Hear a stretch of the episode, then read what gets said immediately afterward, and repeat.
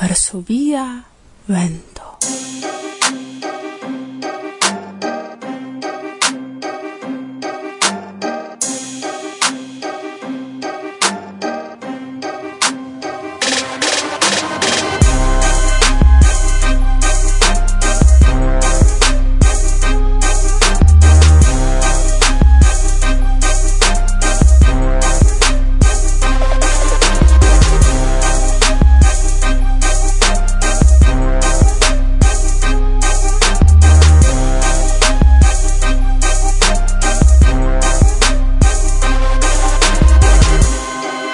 Ĉu vi memoras nian diskuton okaze de la centa elsendo?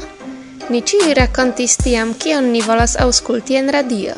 Mi respondis, ke mi ŝategas retrovi fontojn de diversaj fenomenoj dank al vojaĝoj. Hodiaŭ mi volas, ke ni vojaĝu kune, al pasinteco, al ekstaro de la Esperanta flago. Tiu projekto naskiĝis dum kongreso en Bolonjo ĉe Maro, en 1905 dank al loka klubo. Proponon aprobis Ludoviko, kai ci esperantistoi. Kvin pinta stelo kiel kvin kontinentoi. Circa ugi, blanca fono, kiu signifas bonain intensoin. La resto de flago estas verda, char tio estas coloro de espero. Sed ni iru recte al la verda stelo. Creante simbolon ni fortigas antau cio nian identecon kiel grupo, sed ne nur. Gravas ancau alia proza afero. Dank la simbolo oni volas rekoni alian esperantiston, exemple surstrate. Revuo la esperantisto proponis, ke oni uzu malgrandajn verdajn pecojn de silko sur vestajoi. Posta aperis propona en meti ion specife esperantan ĉe okulvitroj. Sed se iu ne portas okulvitrojn, nu finfine venkis la concepto de Bofron, giuste stelo. Unue oni proponis oran stelon, sed jam en 1904 comencidis carriero de nia amata verda stelo.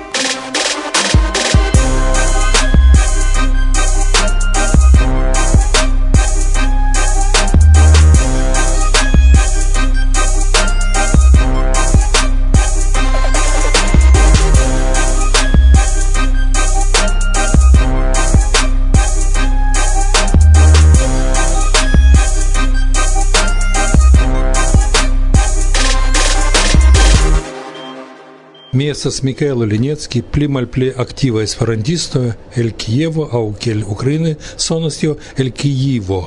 En Ukrainio aperas malfeliĉaj eventoj. La lando travivas vere krizan periodon, ĉu subite vekiĝis nacionalismo en Ukrainio, kiu dividis homojn al Ukrainoj kaj Rusoj. Kiel vi sentas tion? Nu mi povas diri ke naciismo kun signo plus ĉiam estis en Ukrainio, ĉar estas eh, tavolo eh, da homoj kiuj tre zorge konservas sian ukrainecon. Tio estas tute normala, eh, sed bedurinde en Rusio oni tion nomas faŝismo. Oni nomas tion, ke tio estas de Stepan Bandera. Tio ne estas vero, ĉar eh, oni faris el bandera timigilon kio fakte forestas. En procedo, kiam estis aneksita Krimeo, estis tiu ŝerco, ke ĉu vi vidis eh, bandera anojn en Krimeo? Ne, sed ili estas. Kaj ĉu vi vidis rusajn soldatojn? Certe vidis, sed ili forestas.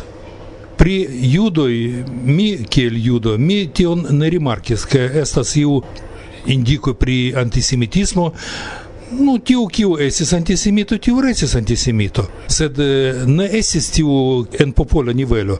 Mi ofte partoprenis kunvenon ĉe Maidan, mi neniam eĉ vorton aŭdis eh, kontraŭ judoj ion. Tion mi povas atesti kiel partopreninto de tiuj konvenoj sed mi rimarkis ke multaj homoj en Rusio ankaŭ esperantistoj ili multaj estas zombitaj de tiu informa politiko de Rusio kiu nun oni tre zorge plektas kontraŭ Ukrainio. Ĉu mi povas riski diri ke Ukrainoj estas zombitaj? russe giuste tiel diras, se tio ne estas vero, ĉar mi spektas multajn televidkanalojn kaj mi povas kompari kion ili diras kaj kion mi vidas, kaj mi vidas ke tio koincidas. Oni nun tute prave malŝaltis rusiajn kanalojn, ŝajne kvin kanalojn, per kiu oni provis malbalancigi ukrainian popolon. Mi povas diri, ke proksimume por naŭdek naŭ procentoj tio estas mensoga aŭ tute renversitaj informoj kaj mi povas diri ke oni eĉ tiel dolĉe gustumas siajn provokojn kaj poste montras nu jen kio okazas en Ukraino jen estas vere faŝistoj. Do tage antaŭen televido mi aŭdis ke unu el la postuloj de homoj en Odessa de rusoj kiu loĝas tie estas Ankaŭ ni deziras havi duan oficialan lingvon, la rusan, ĉar ni rajtas do, kial ni estas devigataj uzi nur unu lingvon. Lando kie vivas fakte vivis frate gis nun ukrainoj, rusoj ne rajtas paroli du lingvojn oficiale Те сестры комплика. Факты они тиун теман при русалингва узас кель atuton. он. Чем джи комитичес амтало балотада, кай вере эсас регионы ен Украинio, ки эсас плимульто да руслингванoj. Temas pri identeco de Ukrainio, ke estu nur Ukraina lingvo? Mi pensas jen kion. Foje esis provoj nenigi ukrainan lingvon. Eĉ caroj tion malpermesis, kaj estis malpermesita dum komencaj jaroj de Sovetunio kaj oni reduktis kvanton da lernejoj kie estas uh, ukraina lingvo tamen estas du specoj de la lando. Lando laŭ nacieco kaj nacieco laŭ lando.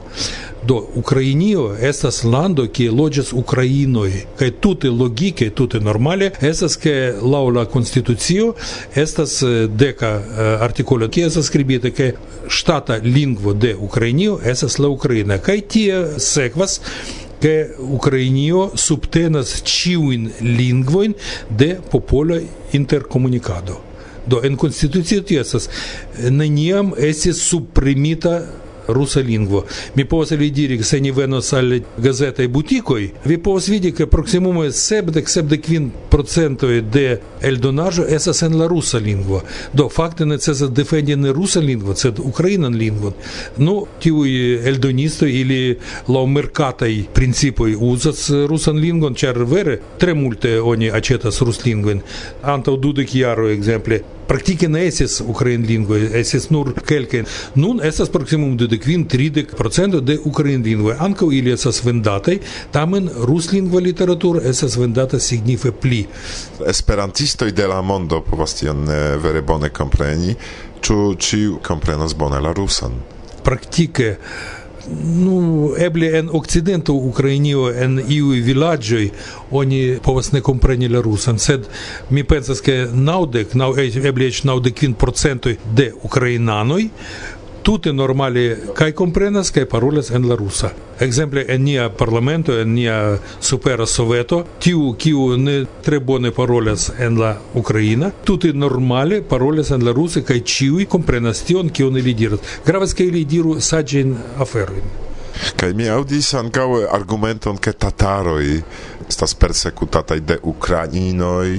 Ĉu estis vero, ke en Krimeo estis problemoj kun tataroj? jes problemoj estas, tamen mi ne nomus tiun problemon kiel persekutado. Oni simple ne donis indan atenton ĝuste al tataroj kaj mi nun ege estimas tataron pro ilia pozicio kiun ili nun montras. Sola konstruaĵo en Krimeo kie pendas ukrainia flago estas domo de Meĝliso kaj eh, mi ege bedaŭras ke oni tiel malatente rilatis al tataroj. Nu, vidu, ankaŭ eh, ni havis tiun eh, transiran periodon, kiu ankoraŭ estis tre forta eh, tiu sovetia maniero de regado. Nu, bone revenis kaj oni ne donis al tataroj teron, oni mem devis kapti tiun teron kaj poste necesis akcepti. Oni tre mm, miope rilatis al tataroj. Mi opinias ke necesas ilin subteni, ĉar fakte Krimeo estas teritorio de tataroj.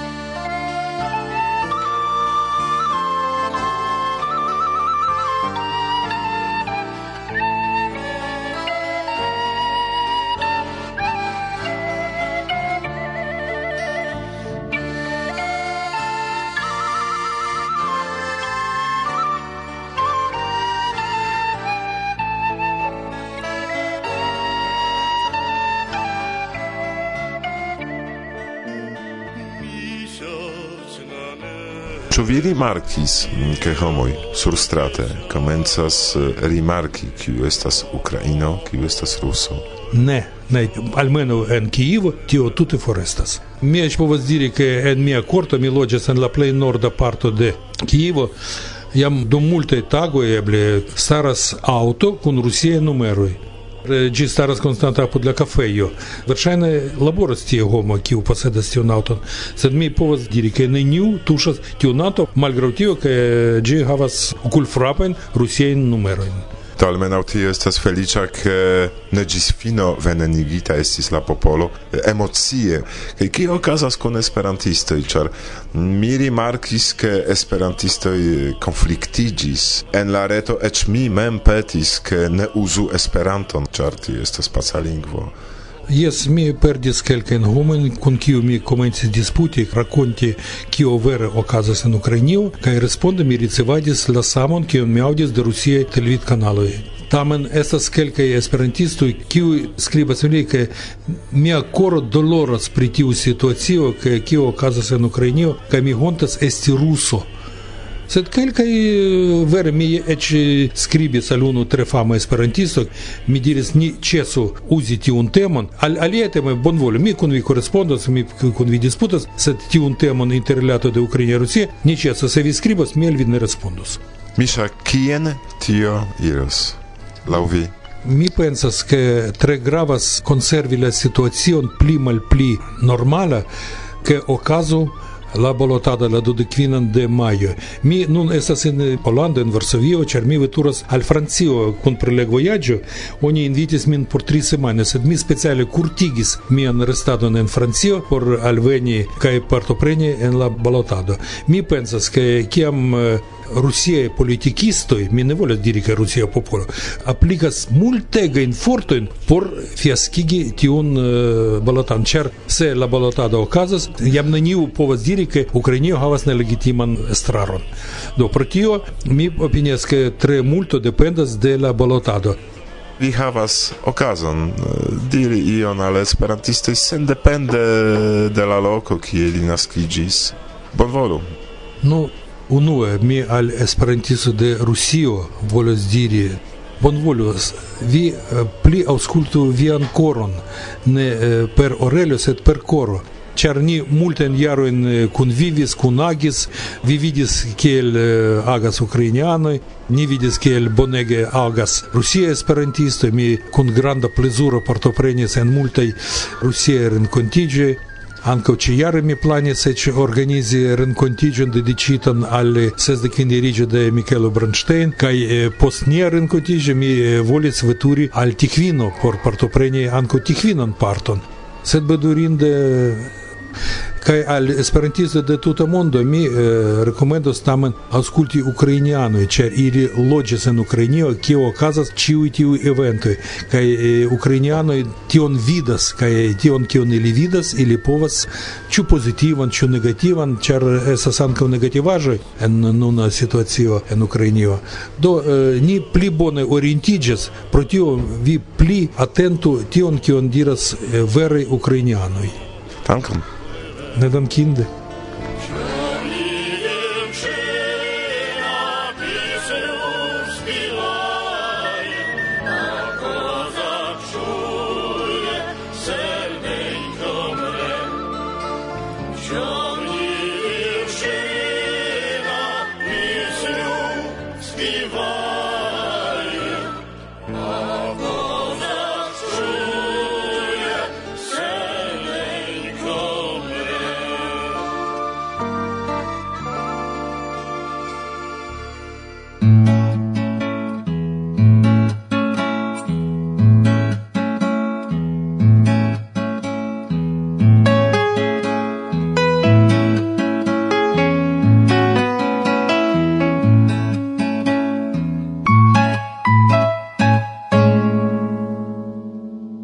Varsovio Vinto.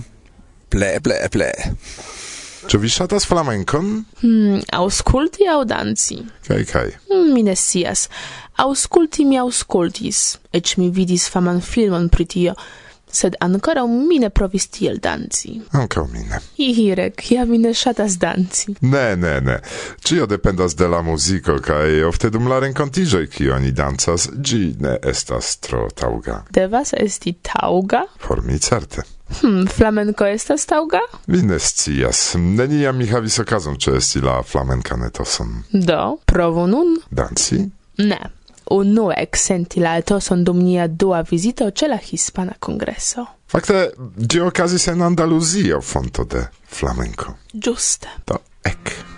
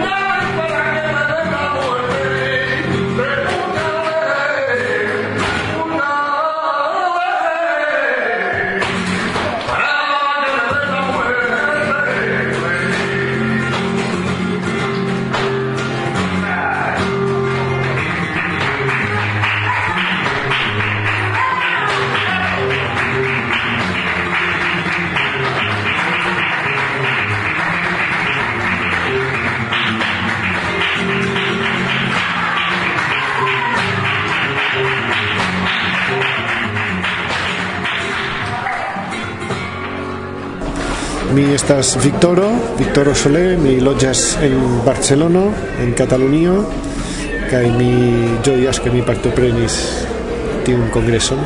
Kie maniere vi contribuas eh, alla kongreso eble alla Esperanto movado? Mi audis ke vi havas iun nekutiman instrumetodon pri Esperanto.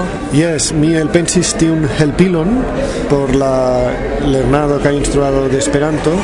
Ĝi nomiĝas Mansignado por Esperanto kaj temas pri tri simplaj gestoj kiuj helpas la lernanton kaj eĉ devigas la lernanton pensi pri bazaj gramatikaj strukturoj aŭ kategorioj. Do tiujn gestojn eh, la lernanto devas fari dum li parolas, ĉar tiuj gestoj pensigas lin pri la baza in gramatica in categorio, mm. exemple subjekto, verbo, objekto. Mm -hmm. Do kiam la lernanto diras la subjekton, li faras iun signon, kiam la lernanton diras la verbon, faras alian signon, kaj kiam diras la objekton, faras la trian signon, kaj la celo de tiu sistemo estas ke tiu tria signo memorigas la lernanton pri no finaĵo yes. ekzemple mi konsentas ke la man gestikulado helpo de la man signojn helpas eh, pri la instruado de la lingvo kaj memorado de la lingvaj strukturoj kaj de la vortoj ĉu mm. vere estas nur tri man signoj jes mi klopodis konstrui tre tre tre simplan sistemon yes. kun nur tri signoj ĉar la celo de tiu helpilo ne estas analizi la gramatikon kiel povus fari tion eh, uh, fakulo. Sed analizi la gramatikon laŭ tre baza maniero, kiu estas la minimuma nivelo kiu helpas, postulas kaj devigas la lernanton paroli bone. Mhm. Do vi estas instruisto de la kursoj pri Esperanto je la baza nivelo, ĉu? Jes, jes, mi instruas komencantojn en Barcelono. Mm -hmm. Ĉu vi povas diri kiom da ili estas kaj je kia aĝo? Nun tempe mi havas dek gelernantojn kaj ili estas mesaĝuloj. Mm -hmm. diru. Bonege. Ne, ne estas tro da gejunuloj. Tamen ĝi estas granda sukceso laŭ mi. Ĉu plaĉas al vi dum tiu ĉi kongreso? Yes, compreneble, la etoso, la comuna mangiado estis tre bonai, kai la play el stara programero eble estis Vivu la teatro, pri kiu vi certe jam parolis aŭ parolos. Yes kai la lasta netipa demando de Varsovia vento estas kiel granda estas via ŝuo. Do Dankon, koran dankon. Parto bone. Dankon a vi.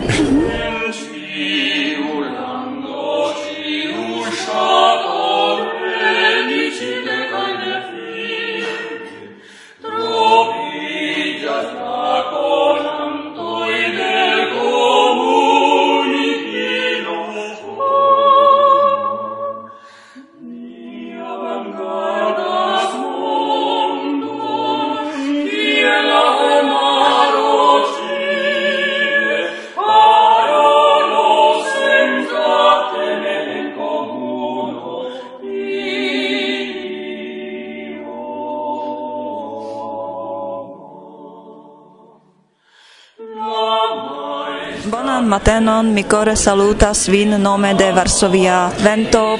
Vi estas unu el la plej gravaj ĉeforganizantoj ĉi tie. Ĉu vi povus diri ion pri tiu ĉi kongreso, kion vi pensas ke estis ĝia la plej grava sukceso?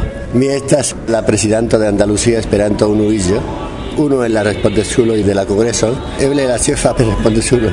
Kai mi tre contenta sia la congreso la vetero belegis kai ancora belegas la etoso ancau kai danka al flamenco la tipa canto de Andalucía ni havis grandegan feston arundo ronda la urbo kie ni gas la congreso estas tre agrabla loco ĉar ili ricevis ni honor tiaj honoroj kaj ni havis la sorton ke ĉeestis grupo y que ludis musico kaj tiel plu.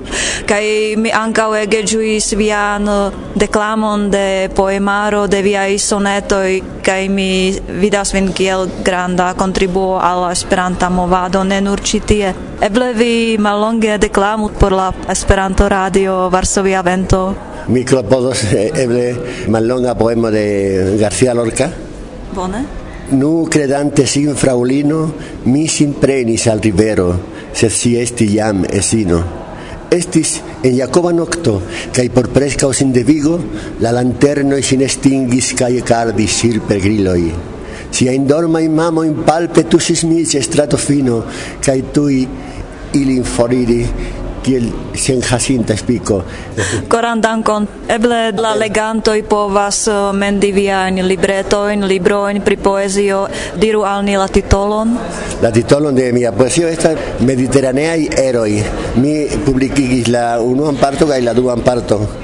Chay de la Mediterránea y mi de Clamis Hierabu, uh, poema titolita La Blanca Papero, que estas tres famas ya entre conata. Coran dankon por via interparolado, kai multai dankon por via granda laboro citia. De dankon, de dankon, dankon al vi.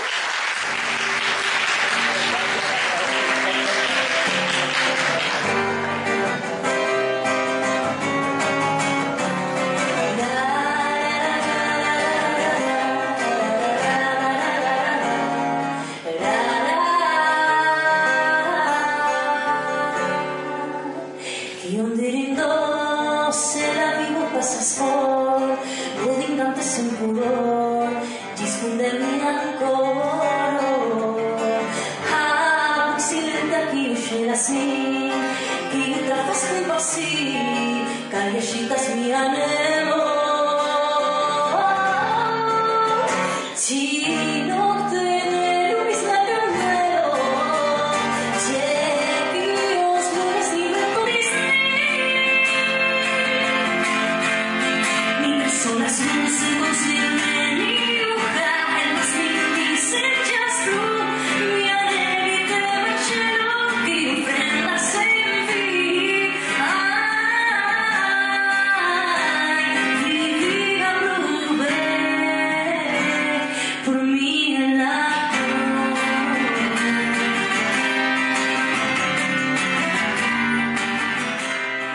Denove ni renkontiĝas kaj denove post via reveno al Pollando, ĉar vi revenis el Nepalo.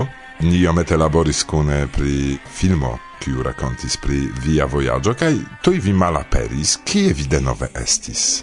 Yes, do tutaj mi ne pensis per tiu mala apero, gi estis tre surpriza, char Halina Komar, kiu estis antaŭe prezidentino de Pola Esperanto Asocio, kaj nun ŝi mem organizis propran organizaĵon, kies celo estas popularigi Esperanton ekster Esperantujo, ne? Kaj montriĝis, ke ŝi organizis eh, ekskurson al Nederlando kadre de la projekto de Eŭropa Unio, kiu estas nomata ĝenerale Grundvik operacio, Temas pri tielmata konstanta permanenta lernado, do eh, cefa celo au objekto de sia agado estas eh, la triaĝo sed eh, tamen montrigis ke en la ekskurso kion si organizis, estis multe da junaj eh, homoj, cefe el Novi Sącz, kie Halina Komar laboras.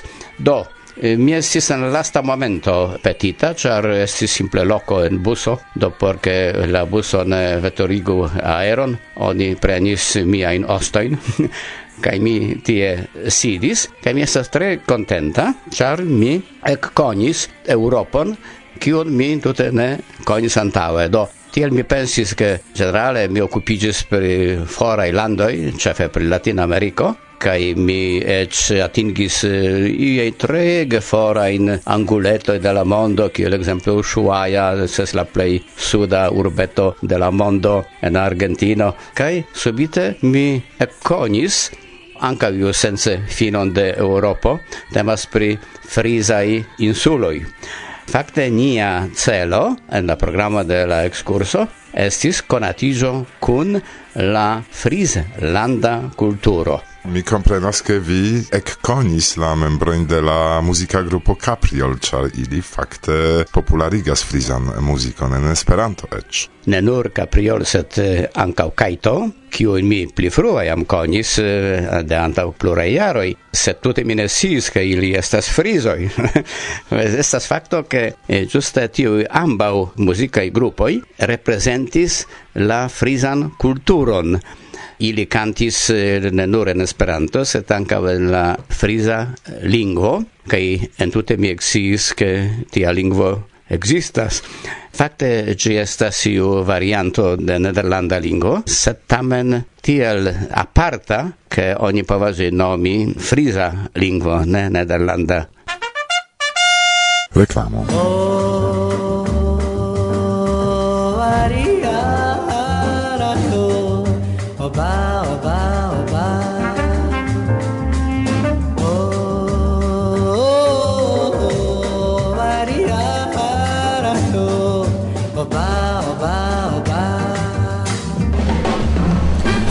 grandi amicoi de la tuta mondo. Kiel vi fartas? Hodiaŭ ni simple volas inviti vin por veni al la venonta IOCO, che okazas ĉi tie en Brazilo. Ni confirmas al vi che la urbo Fortalezo en la nordo de Brasilo estos la sidejo de la IOCO 2014. Ankaŭ la dato estas konfirmita. La kongreso okazos tuj post la futbala mondpokalo kaj antaŭ la universala kongreso en Argentino. Ni elektis Fortalezon por Kongresurbo, ĉar ĉe tie estas pluraj junaj esperantistoj kiuj interesiĝis pri organizi la kongreson kaj faras bonan laboron. Ĉe tie ankaŭ la urbodomo subtenas la kongreson kaj aliaj kialoj estas ke la urbo estas en eterna somero, ĉe tie ĉiam estas varme dum la tuta jaro, kaj ankaŭ la urbo estas mojosa kun plaĝoj, kun belaj vidindaĵoj, kiujn kongresanoj povos ĝui. Fortalezo estas granda urbo situata en la nordorienta parto de Brazilo. Krom sia beleco, ĝi famas pro sia gastameco kaj infrastrukturo. Ĝuste pro tio, Fortalezo jam ricevis la Universalan Kongreson de Esperanto en 2002. Esse samba que é misto de maracatu É samba de preto velho, samba de preto... Varsovia, vento.